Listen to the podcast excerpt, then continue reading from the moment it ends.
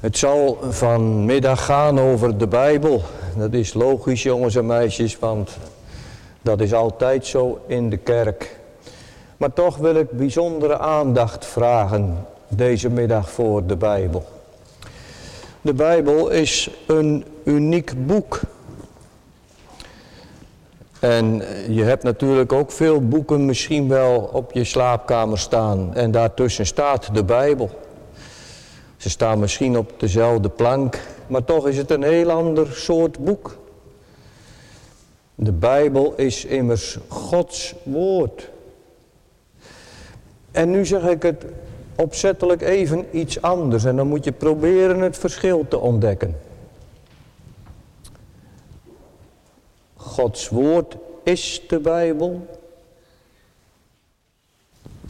En luister goed, Gods woord is in de Bijbel. Hoor je het verschil? Jongelui? Is dat nou zo'n groot verschil, zeg je misschien? Gods woord is de Bijbel. Gods woord is in de Bijbel. Dat is een groot verschil. Wat zou goed zijn? Zal je het bewijzen. Neem de geschiedenis van Jona. Toen hij in de vis zat. Dan geloof je natuurlijk hè, dat dat echt gebeurd is. Omdat het in Gods woord staat. En als je dat zo zegt, dan ben je voor de stelling, Gods woord is de Bijbel. Maar je hebt ook die zeggen, ja, dat Jona, dat, dat, dat verhaal van dat hij in de vis heeft gezeten, ja, dat staat inderdaad in de Bijbel. Maar het gaat om de boodschap. Het gaat niet zozeer of het nu echt waar is geweest dat Jona echt in de vis heeft gezeten. Het gaat om de boodschap. En dat wordt dan in een vorm gegoten. Kijk, en dat hoort bij de stelling, Gods woord is in de Bijbel. Voel je? Daarom moet je zo scherp zijn. Zeker vandaag. Dat is al de eeuwen door wel zo geweest, maar ook in onze christelijk gereformeerde kerk. Dat je vasthoudt aan die stelling, de Bijbel is Gods woord van kaft tot kaft. Waarom eigenlijk? Nou, dat staat in de Bijbel. In de Bijbel staat elk van God ingegeven woord. Al de schrift is van God ingegeven. Al de schrift. Dat staat in onze Statenvertaling. En wat is dat dan? Waarom is de Bijbel dan zo uniek? Wat is dat, dat ingegeven van God? Er staat een woord in het Grieks en dat betekent door God ademend. Dit is Gods adem. Dat woord van God. Dat heeft voor ons absoluut gezag. Dat staat boven alle boeken, boven ieders leven. Absoluut gezag. Wij zeggen wel eens geïnspireerd door de Heilige Geest.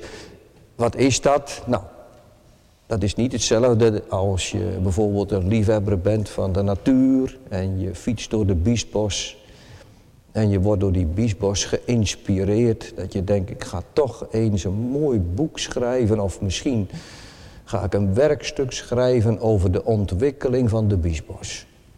Hoe het vroeger eruit zag en toen daarna en nu, dan word je daardoor geïnspireerd. Het is zelfs niet hetzelfde als een dominee een serie gepreekt heeft over Johannes 17 bijvoorbeeld, het ogenpriesterlijk gebed. En dat hij na afloop van die serie denkt, ik ga er een boek over schrijven. Natuurlijk is dat ook wel een vorm van inspiratie, hè, dat hij door de Heilige Geest ook geleid wordt in de uitleg van het woord. Maar ver daarbovenuit stijgt toch dat unieke van de inspiratie van de Heilige Geest, waardoor de Bijbelschrijvers aangedreven zijn om Gods woord op te schrijven. Dat stijgt er toch ver bovenuit. Want zo'n dominee kan toch ongewild soms een foutje maken. Zelfs in de exegese kan hij een foutje maken. Maar dat zul je in Gods woord niet aantreffen. De Heilige Geest die heeft de Bijbelschrijvers ervoor beschermd dat zij een fout zouden maken. Daarom beleiden wij ook het onfeilbare woord van God dat voor ons gezag heeft. Nog een stelling. Uw woord is de waarheid. Wie zegt dat? Zegt de kerk dat? Zegt de kerkraad dat? Zegt de dominee dat? Verleent die aan de Bijbel gezag? En zegt, en dat is de waarheid? Nee. Dat beleiden ze wel. Maar zij verlenen aan het woord geen gezag. Dat doet Gods woord zelf. Zo zegt de Heer. Dat is zo'n uitdrukking die je tegenkomt in de Bijbel. Woord des Heren woord. Nog zo'n uitdrukking. Voel je? Kijk, en daarom God zelf, die heeft daar gezag aan verleend. En daarom hebben wij daaronder te buigen.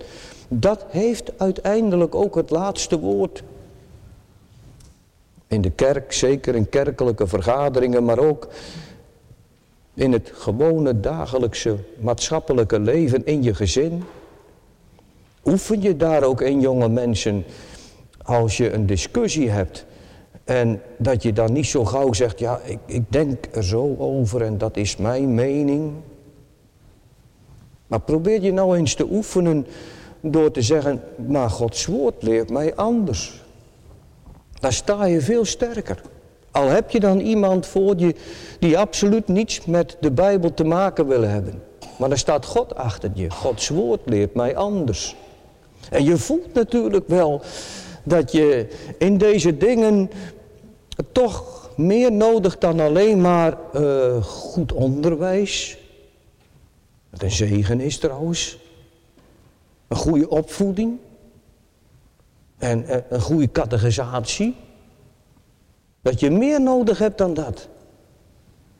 Dat je echt ook nodig hebt dat de Heilige Geest in je leven dat woord kracht laat doen.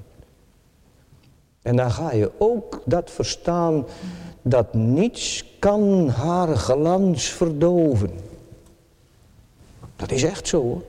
De duivel die gooit ontzettend veel smerigheid over dat woord van God. Om die glans te verdoven. Maar het druipt er gewoon weer vanaf. En die glans die blijft toch altijd weer heerlijk in deze wereld.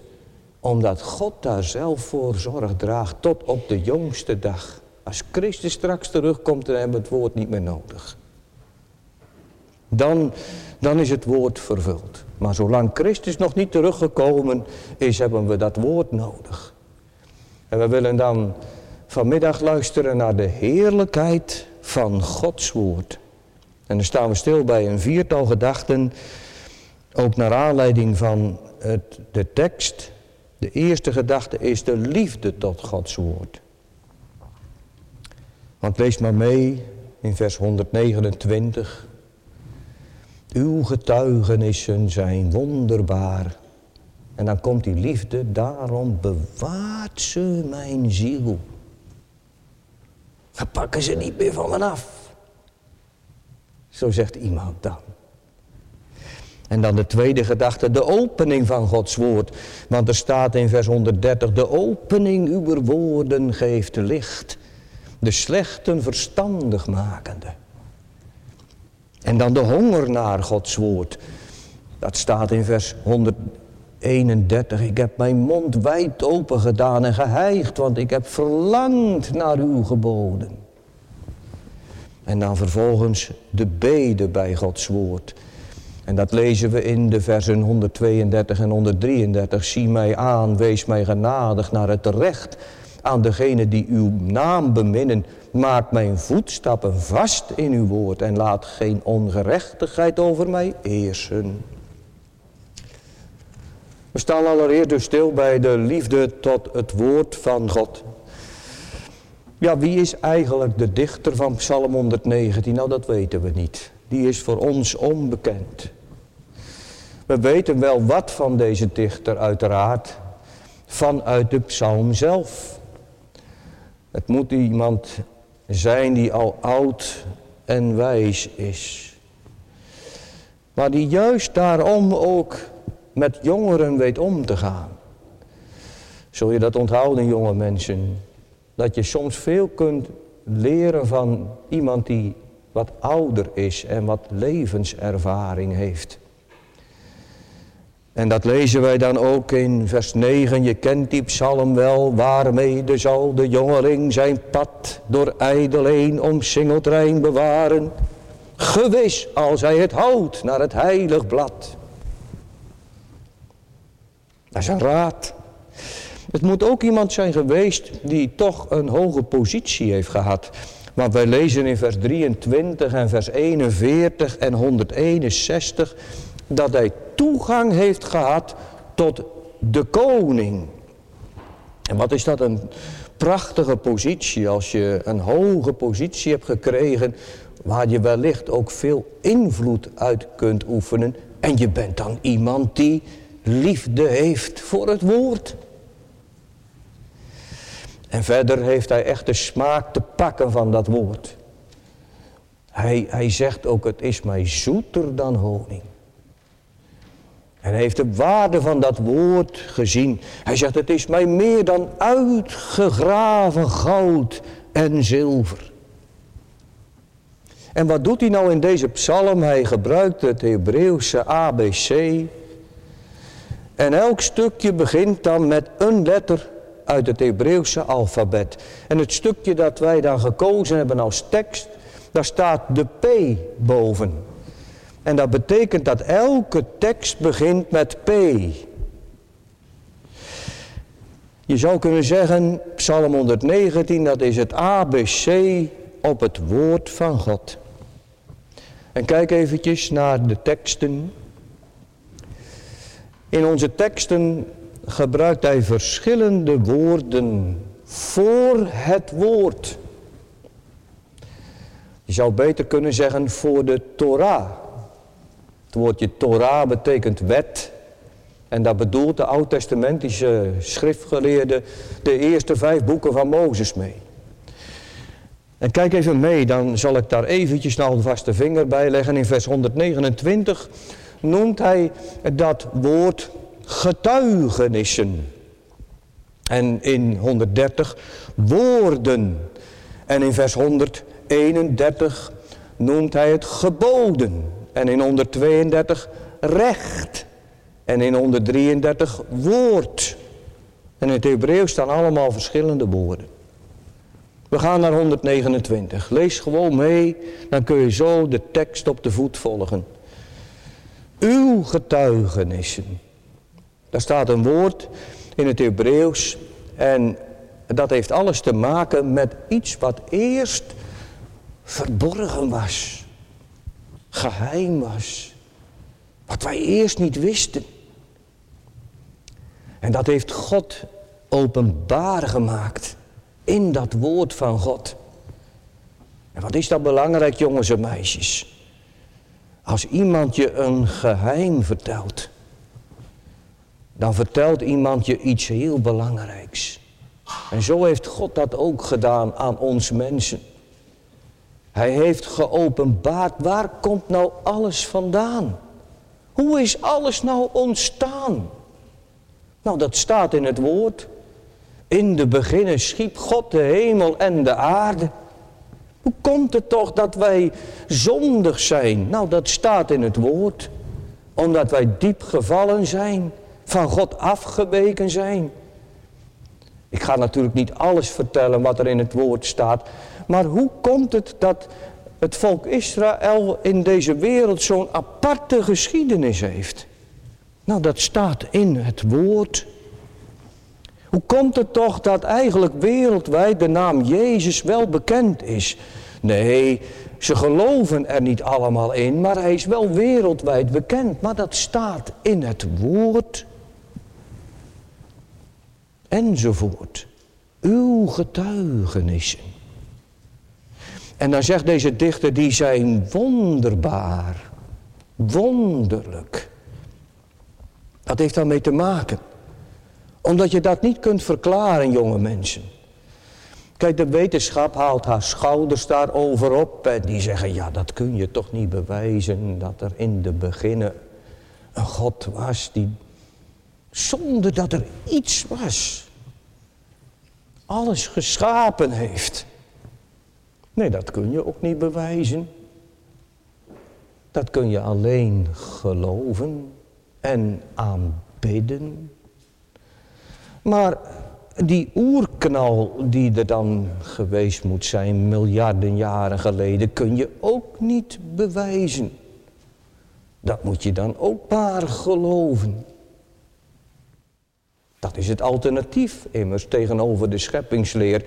En zo kun je doorgaan in heel de schrift.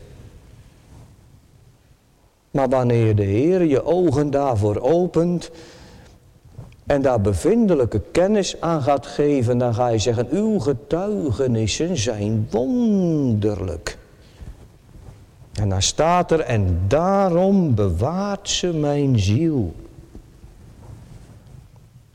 En dat is omdat je de waarde van dat woord in je leven hebt gezien en beleefd. Dan doe je niet als dat oude vrouwtje dat smaanders bezoek krijgt en de dominee die vraagt... En heb je gisteren nog een beetje kunnen luisteren? En dan zegt ze, ja, waar ging het eigenlijk over? Of een jongere die met zijn gedachten ergens anders zit onder het preken.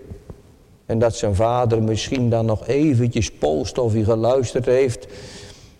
En dat er zo weinig uitkomt. Maar dan doe je net als Maria. Wat deed Maria? Toen de herders terugkwamen. Ze bewaarde al die dingen in haar hart.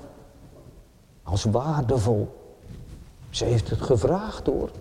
Wat zei de engel des Heren dan toen jullie bij dat vuur aan het waken waren? Wat zei die? Dat heeft ze onthouden. Dat heeft ze bewaard in haar hart. Overleggende die. Voel je? Dan heeft dat waarde voor je. Dan ben je geen vergeten hoorder. Zoals Jacobus 1 vers 21 dat zegt.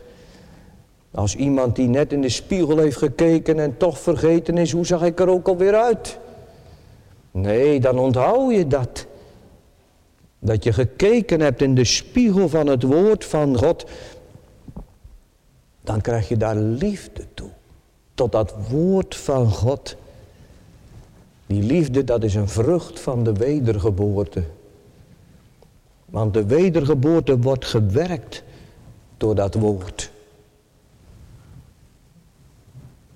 Ja, u altijd met uw Bijbel. Ja, dat weet ik wel hoor, dat dat in de Bijbel staat. Ja, dan voel je natuurlijk wel hoe je tegenover de Bijbel staat, hè, als je dat zegt. En zo is een mens van nature. Ja, de Bijbel. Ja, maar Gods volk leert het anders. Nou, dat klinkt nogal degelijk. Dan voel je wel hoe je tegenover de Bijbel staat. Van nature moet een mens niks hebben van de Bijbel hoor. Dat komt door dat hoogmoedige, goddeloze hart. En ook een wetenschapper die misschien theologie studeert. Die zegt, ja de Bijbel, maar daar zitten zoveel menselijke aspecten achter. Een eenvoudige ouderling die een beroep doet op de Bijbel. Ja, maar ik heb ervoor gestudeerd. dan voel je wel hoe je tegenover de Bijbel staat. Snapt u gemeente? Dat komt door ons verduisterd verstand. Daarom is het zo nodig. Wil je werkelijk amen zeggen op dit getuigenis? Uw getuigenissen zijn wonderbaar. En daarom bewaart ze mijn ziel dat er een wonder in je leven gebeuren moet. En dat er een wonder gebeurd is in je leven, dan krijg je dat woord lief. Net als die oude visser die op, op zijn bed lag. Hij was die nacht in stilte overleden. En hij had een klein bijbeltje in zijn vuist. En ze konden het er eigenlijk niet uitkrijgen. En toen zei de familie, laat hem zomaar in de kist liggen. Want dat tekent zijn leven. Dat kleine bijbeltje rustte op zijn borst. Het leek alsof die oude visser zei, dat woord van God, dat heb ik lief gekregen in mijn leven. Want dat woord van God heeft mij gebracht bij de God van dat woord. En als dat woord van God je bij de God van dat woord brengt, dan verootmoedigt je dat. Dan ga je zeggen, wat is dat toch een wonder dat de Heere mij dat woord in mijn leven heeft gegeven. Onze tweede gedachte. De opening van uw woord. We beginnen gelijk dan te wijzen op wat hier staat voor woord. Er staat uw woorden in meervoudsvorm. Daar staat een, het Hebreeuwse woord dabar. En dat betekent woord en daad. Dat woord van God is ook gelijk een daad. En dat blijkt ook wel als de dichter hier zijn ervaring vertelt. Als hij zegt, de opening uw woorden geeft licht de slechte verstandig makende. Dat roept een beeld op, kinderen. Een oud huis, helemaal dichtgetimmerd. De ramen zijn dichtgetimmerd met planken. De deur is dichtgetimmerd. Er komt geen streepje licht naar binnen. En ja, je denkt samen met je vriend, hoe zou het daar van binnen eruit zien? En je trekt wat aan een plank. En daar schiet die plank los. En je ziet, er zit geen glas in de ramen. En het licht van de zon komt in dat huis. En je kijkt in het huis, je ruikt en je ziet wat een puinhoop is het in het huis. Zullen we er even in klimmen? En dan komt er een opening in dat huis. De opening van uw woord geeft licht. De slechten verstandig makende. Dat is het beeld dat je hier voor ogen moet houden. Dat woordje opening, dat is een woord dat betekent dat er met kracht naar binnen geschenen is in dat donkere huis van je hart. En dat heeft deze dichter ervaren. Hebt u dat ook wel eens ervaren? God is een God van verrassingen. Dat kan hij zomaar plotseling doen onder de prediking. Toen opende de Heer het hart van Lydia. Zodat ze acht ging geven op hetgeen van Paulus gesproken werd. En dan schijnt dat licht naar binnen. En dan komt de werkelijkheid openbaar. Maar dat is het licht van God. En dat geeft Gods kennis. Dan laat God bijvoorbeeld weten Zeg meisje, je kunt je voor mij niet verbergen. Ik weet alles van je. Ik zie ook alles van je. Dan zegt de Heer tegen een vader, man, kijk nou toch eens wie je bent tegenover mij. En dan zie je ook wat Calvijn ook zegt, dat die godskennis ook gelijk zelfkennis geeft. Voel je? En dat door uw woorden de slechte slechten verstandig makende staat er. De slechten, wat betekent dat hier? Calvijn zegt de kleinen, de onervarenen. De slechten die slecht gemaakt zijn in de waarneming van zichzelf. Onervaren, niet eigenwijs meer. Niet altijd weer de houding van discussiëren aannemen, juist niet. Maar door de inbraak van dat woord worden kleintjes gemaakt. Neem ik een luisterhouding aan. En zeg ik met de kleine Samuel kinderen, spreek heren, want uw knecht hoort. Dan ga je luisteren. Dan word je ontledigd van al je eigen wijsheid. En dan leer je je onderwerpen aan het gezag van het woord van God. Dan laat je je leiden door het licht van dat woord van God. Nee, niet allen worden even vergeleid. De een wordt verder ingeleid in de heilgeheimen van het woord dan de ander. Maar het wezen van de zaak leert je wel verstaan. Namelijk hoe je als een arm en een verloren zondaar alleen maar zalig kunt worden door het geloof in Christus. Begrijp je nu dat deze dichter dat zegt? De opening van uw woorden geeft licht. De slechten verstandig makende. Onze derde gedachte. Als dat gebeurt in je leven, dan krijg je ook honger naar het woord. Als de eerste keer dat in je leven plaatsvindt, dan krijg je dat woord toch zo lief. Maar dan krijg je ook behoefte aan dat woord. Dan krijg je er echt zin in om naar de kerk te gaan. En dan ga je door de week ook een preek beluisteren. Dan ga je dat woord ook onderzoeken. Dan ga je ook andere boeken lezen. Want dan wil je meer weten van dat woord. Ja, dan hoef je niet aangespoord te worden wat de Heer Jezus zegt. Onderzoek de schriften, want die kunnen je wijs maken tot zaligheid. Dan gaat het als vanzelf. Helaas kan dat onder Gods kinderen wel eens wat afzakken en wat afkoelen. Maar toch kan er dan wel weer een opwekking komen in het geestelijke leven. Dat je dat woord weer ter hand gaat nemen. Vandaar ook dat deze dichter zegt, ik heb mijn mond wijd open gedaan en geheigd. Want ik heb verlangd naar uw geboden. Jongens en meisjes, kijk eens even naar mijn hand. ik, ik, ik doe nou mijn hand dicht en nu doe ik het open.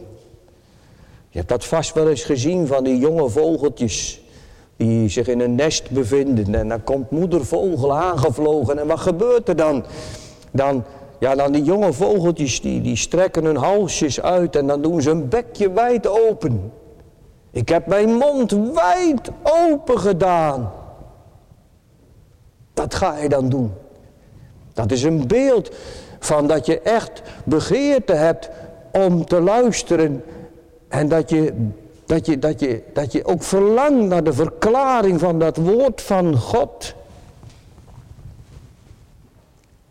Geheigd staat er. Onze kanttekeningen wijzen daarop. Dat is een beeld van een hardloper. Die in een renbaan zich bevindt. En hij ziet de eindstreep. En al zijn krachten spant hij in. Hij hijgt, hij hijgt naar de eindstreep. Zo hijgt deze dichter naar het woord van God.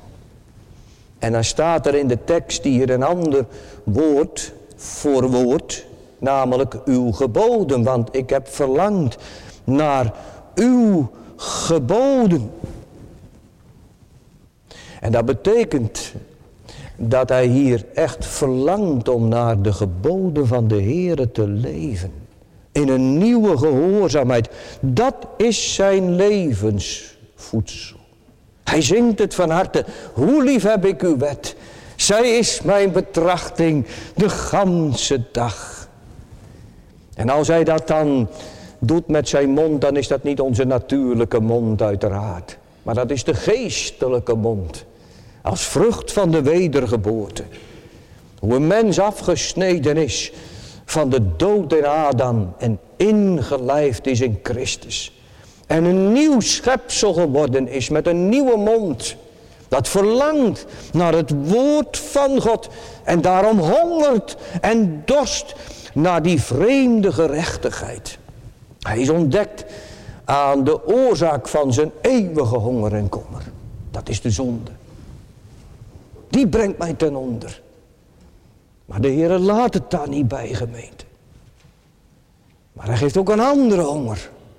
Honger naar die vreemde gerechtigheid. Zalig zijn zij die hongeren en dorsten naar de gerechtigheid. En zij zullen verzadigd worden.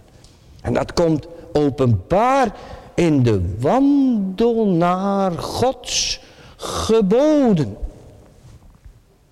Wat is dat toch kostelijk gemeente wanneer we daar door genade ook deel aan krijgen. Dat wij anders tegen de wet aan gaan kijken. Die wet die mij eerst veroordeelde. En dat ik toen probeerde ook vanuit een stuk wetticisme zelf die wet te onderhouden. Maar wat is het toch een genade als de Heer je daarin laat vastlopen. Dat je echt ook beleeft, ik kan die wet niet onderhouden. Die wet die doet niet anders dan mij telkens veroordelen. Die wet die verdoemt mij uiteindelijk. Die wet die doodt mij. Zoals Paulus dat beleefd heeft. Ik ben door de wet, aan de wet gestorven. Opdat ik Gode leven.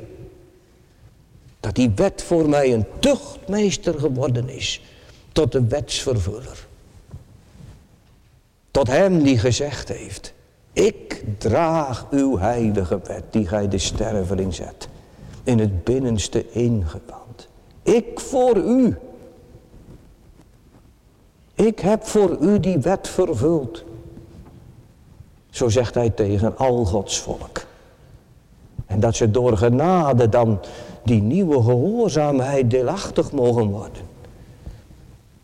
Die vanuit de ware wijnstok gewerkt wordt in het hart. Een evangelische gehoorzaamheid gemeente. En dan onze vierde gedachte. En dat is de bede bij het woord Gods. En dan komen we bij vers 132 en 133. En dat gaat er altijd mee vergezeld. We staan eerst stil bij vers 132. Zie mij aan, wees mij genadig naar het recht aan degene die uw naam beminnen. En gemeente, dan gaat hier deze dichter die het woord lief heeft en bij dat woord leeft, bidden. Het gaat hier dus om het gebed van een Godvrezende. En dan wordt hier het woord vertaald met recht. Kijk maar, zie mij aan, wees mij genadig naar het recht aan degene die uw naam lief hebben. Hé, hey, zegt iemand, dominee, wat doet deze dichter nu? Zegt hij dat hij ergens recht op heeft? Dat heb je goed gelezen. Inderdaad. Ja. Naar het recht aan degene die uw naam beminnen. En wat is dat voor een recht dan? Want wij zeggen toch altijd, een mens heeft nergens geen recht of aanspraak op. En dat is ook zo, hij heeft ook nergens geen recht op. Maar dat is een verleend recht. Ja, dat heb je soms, hè, dat je soms wel eens ergens naartoe gestuurd wordt en dat die man dan tegen je zegt, zeg maar dat ik je gestuurd heb. Zeg het maar. Ik weet nog wel dat ik graag, graag in de visafslag in Urk wilde werken. Maar ik durfde eigenlijk niet te vragen aan die voorman of ik dan ook in de visafslag mocht werken. En mijn opa die had dat ooit het initiatief genomen om dat op te richten in die vissorteerders. Dus toen zei mijn opa, zeg maar tegen Hein Bakker dat ik je gestuurd heb. Want ik heb toen de tijd Hein Bakker aangesteld. Nou ja, toen vond ik het toch nog wel moeilijk hoor, om dat aan Hein Bakker te vragen. Maar toen durfde ik het toch wel een beetje. En toen zei Hein Bakker, toen hij gelijk mijn opa's naam hoorde. Oh, Klaas Visser, die heeft je gestuurd. Nou ja, vooruit, kom dan maar een vrijdag. Snap je?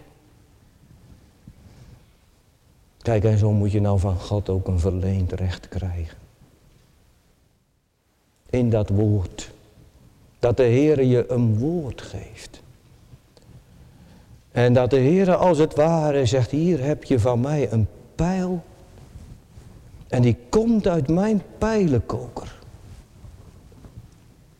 Een belofte. Zo heel persoonlijk geschonken. Met kracht gesproken in je hart. En dat de Heer zegt, schiet hem maar af naar de hemel. En oefen je nou eens. Om zo te bedelen aan de troon der genade, zo zegt de Heer dan tegen zijn kind. Gedenk toch aan het woord gesproken tot uw knecht, waarop gij hem verwachting hebt gegeven. Dat wordt hier bedoeld. En dan is er gemeenschap. Want dat staat in onze tekst, naar het recht aan degene die uw naam beminnen. Dat zijn al Gods kinderen. Die hebben Gods naam lief gekregen. En die komen dan ook in de naam des Heren tot de Heere. Die de naam des Heren zal aanroepen, die zal zalig worden. Die naam bemin. Want zo leert de Heere dat al zijn volk. En daarom bidden ze ook. Met eerbied gesproken met een bijbeltje in de hand. Zeggen ze, zie mij aan, wees mij genadig, Heere. Kijk, en als een mens dat leert bidden in zijn leven, dan heeft hij enigszins het recht van God leren toevallen in zijn leven, hoor. Want anders dan weet je niet wat genade is. Genade is altijd onverdiend. Genade, dat is iemand die zit in de gevangenis. En die zegt, eigen schuld dat ik hier zit. Eigen schuld. Oh, oh, oh, wat ben ik dan dom geweest. Oh, oh, oh, oh, oh. En nou hangt me toch een straf boven mijn hoofd. Oh, oh, ik kom hier beslist niet onderuit. Ja, ze hebben wel gezegd, je kunt een advocaat erbij halen, maar dat heeft geen zin. Want de bewijsstukken liggen duidelijk op tafel. Hij wordt uit de gevangenis gehaald, naar de rechtszaal gebracht. En daar staat hij voor de rechter. En hij weet het, ik moet mijn vonnis aanvaarden. Ik ga er niet meer tegenin. Kijk, en als hij dan genade krijgt. Dat krijg je niet van een aardse rechter hoor. Echt niet hoor. Daar is ook geen genade te vinden hoor bij een aardse rechter. Al is die advocaat nog zo goed. Maar bij de hemelse rechter, daar is genade. Daarin is hij zo uniek. Wie is een God gelijk gij, die de ongerechtigheid vergeeft Micha 7. Kijk, en dat doet Gods lieve geest nou. Gods lieve geest die onderwijst. En die zegt, maar God is toch genadig. En die legt dat gebed in je mond. Ja, maar dit durf ik zomaar niet te zeggen, heren. Toen sprak God met kracht in mijn ziel. Dan krijg je die belofte. Die hem aanroept in de nood, die vindt zijn gunst oneindig groot. Ja, maar heren, is dat nou van u of komt dat zomaar bij me op? Want ja, ik zit vol teksten, ik zit vol versjes. Heren, wilt u het nog een keer tegen me zeggen? Dan ga je dan smeken. En dan gebeurt het ook hoor omdat de Heer je dan helpt. Voel je? Dan bedel je weer aan die troon der genade. Om genade.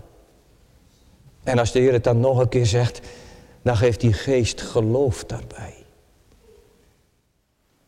En als je echt geloof erbij krijgt, dan krijg je ook vrijmoedigheid. Om te naderen tot de troon der genade. Dan hou je aan. Dan zeg je, Heere, zie mij aan. En wees mij genadig naar het recht aan degene die uw naam beminnen. Het verleende recht dat gij aan uw volk en kinderen hebt gegeven. Ach, ik durf me er bijna niet bij te scharen, heren. Maar heren, u hebt toch ook tot mij gesproken. Je steekt die belofte niet in je zak als een soort verzekeringspolis. Dat je denkt, zie zo, bij brand dan haal ik hem tevoorschijn. Nee, maar je wordt er werkzaam mee. Je gaat de Heer er als het ware heilig mee lastigvallen. Omdat je staat naar de vervulling daarvan. En juist in die weg gaat de Heer leren dat de grond van de vervulling nooit in jezelf ligt. Dan gaat hij je enigszins spellen wat het is om te zeggen aan het eind van je gebed. Alleen om Jezus wil, Heer. Voel je? Alleen om Jezus wil. Heer, er ligt totaal geen verdiensten in mij. Maar alleen om Jezus wil. En dan gaan wij naar die andere tekst, tenslotte Psalm 119 vers 133. Want ja, daar staat hij op van zijn gebed. Hè. Zo zou je je dat kunnen voorstellen, niet waar? En wat bidt hij dan als hij opstaat? Maak mijn voetstappen vast in uw woord en laat geen ongerechtigheid over mij heersen. En in deze tekst staat weer een woord voor woord dat hier vertaald wordt met woord. Ingewikkeld hè? In uw woord. Maar er staat het woord Irma. En in het Hebreeuws betekent dat eigenlijk een woord dat direct en concreet gesproken is door de Heer in bepaalde omstandigheden. En hij vraagt, maak mijn voetstappen nu vast in dat woord. En laat geen ongerechtigheid over mij heersen.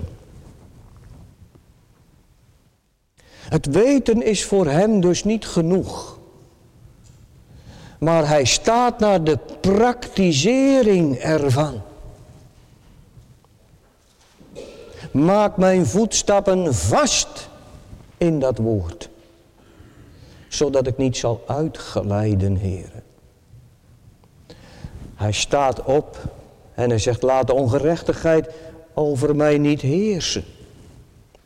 Hier is een ontdekte zondaar aan het woord.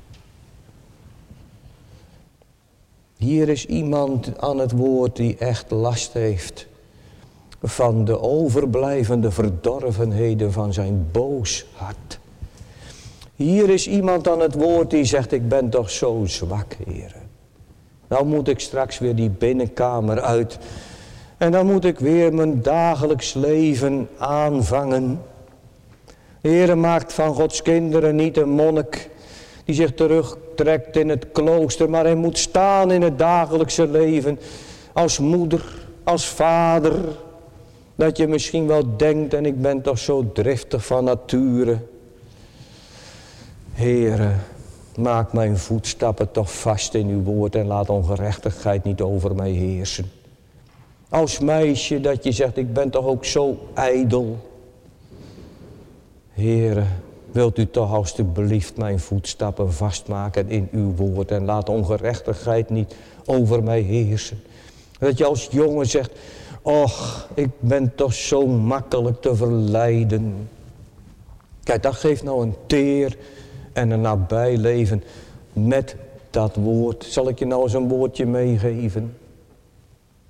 Ik hoop dat het toegepast mag worden. Het is maar één woordje. Waakt. Waakt.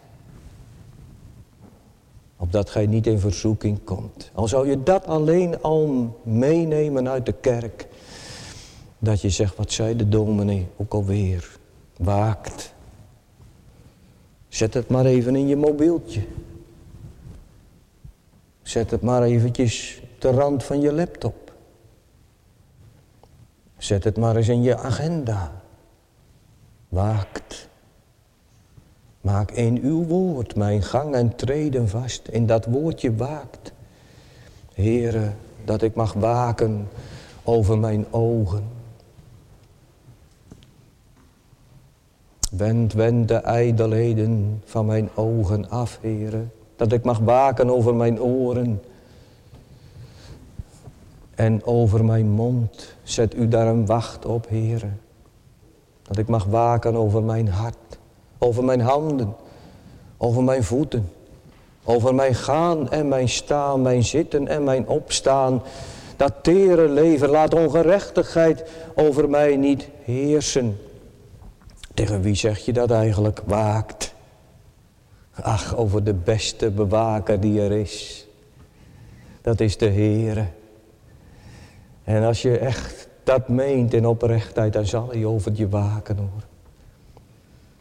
En daarom zingt die dichter ook, ik zet mijn treden in uw spoor. Je zou ook kunnen zeggen, ik zet mijn treden in uw woord, opdat mijn voet niet uit zal glijden.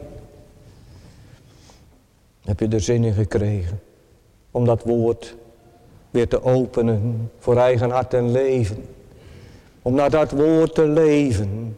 Door dat woord ook geleefd te worden. Geregeerd te worden. Om in dat woord, dat vlees geworden woord te mogen vinden. De Heer Jezus Christus. Om door dat woord geleid te worden op je levenspad. Onder de leiding van de Heilige Geest.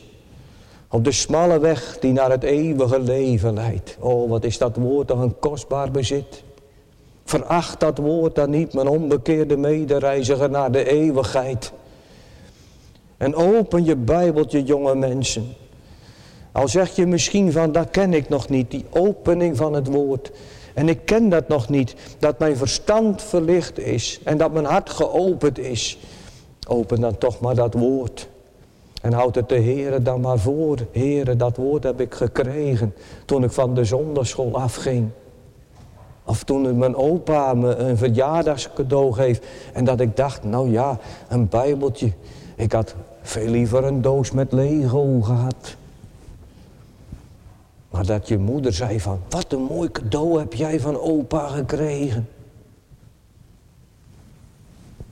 Maar als de Heere gaat werken in je leven, dan krijgt dat Bijbeltje zoveel waarde. Voel je? En ik hoop dat dat ook in je leven zo mag zijn. Dat je net als die oude visser er niet alleen bij wilt leven, maar ook bij wil sterven. Want dat woord, dat geeft houvast te midden van de stormen.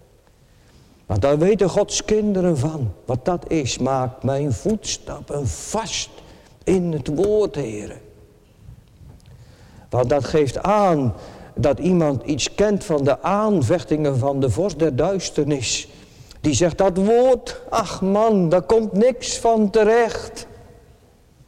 Dat lees je zo dikwijls ook bij de Bijbelheiligen, niet waar? Maar zal Abraham daar toch op aangevochten zijn? Ja, dat denk je dat God gesproken heeft. Ga uit uw land. En ja, ja dat, dat, dat, dat je zaad zal worden als het zand van de zee. Ja, ach, je hebt een hoorbare stem gehoord. Ja, dat krijgen mensen wel eens als ze slecht slapen. Maar nee, daarom heb je dat geloof zo nodig. Dat geloof omhelst het woord. En juist in de aanvechtingen oefent de Heer dat vastmaken in dat woord. Juist soms tegen je gevoel in. Ik zou bijna zeggen, juist tegen je gevoel in. Dat je gevoel eigenlijk er niet in meekomt. Dat je zo twijfelt. Zou God wel bestaan? Zou God wel gesproken hebben in mijn leven? Maar dat je dan toch dwars door die twijfelingen en die aanvechtingen heen zegt. Ja maar heren, u hebt het toch gezegd. Dan wordt het geloof geoefend. En dan zul je niet beschaamd uitkomen met dat woord. Dan blijkt dat woord het zwaard des geestes te zijn. Om die vijand van je af te slaan. En vooral ook met de belofte van de vergeving van zonde. Dat is het beste wapen dat de Heer aan zijn volk en kinderen geeft. Want het is ook dikwijls het wapen waarmee de Satan Gods kinderen bestrijdt. Als hij zegt, jij, jij. Het zal nog openbaar komen wat jij vroeger in je jeugd gedaan hebt.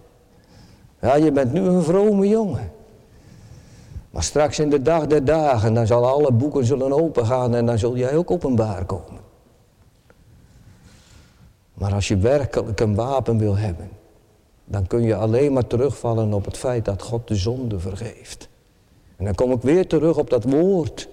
Dat woord uit Micha 7. Wat staat daar? Dat God de zonden werpt in de zee van eeuwige vergetelheid. In de diepte van de zee. En dat God zegt, ik zal nooit meer op je toornen en ik zal nooit meer op je schelden. Wij kunnen dat niet, hè.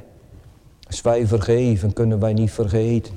Wij kunnen niet net als God vergeven. God vergeeft echt door ook te vergeten. Maak in uw woord mijn voetgangen toch vast, heren. Zodat ik stevigheid mag hebben. En laat de ongerechtigheid niet over mij heersen. Dat is iemand die niet zegt van, dat komt mij niet over. Die zegt juist, dat kan me wel eens overkomen. En daarom, heren, laat die ongerechtigheid niet over mij heersen. Maar uw woord, dat die kracht mag doen. Kijk, en als je dan aan het eind van de loopbaan des geloofs mag komen, dan mag je dat woord inleveren. Dan mag je tegen je kinderen zeggen, jongens, houd het bij dat woord door. Je vader die zal de laatste adem uitblazen. Maar de Heere heeft dat woord vervuld in zijn leven. En straks in de hemel heb ik geen Bijbel meer nodig. Dan zal ik God aanschouwen zoals hij is. Dan zal ik Christus zien zoals hij is. En ja, veel meer dan Gods woord geopenbaard heeft aan deze zijde van het graf. Dan zal het, ja, dan zal het iets zijn wat je niet onder woorden kunt brengen. Amen.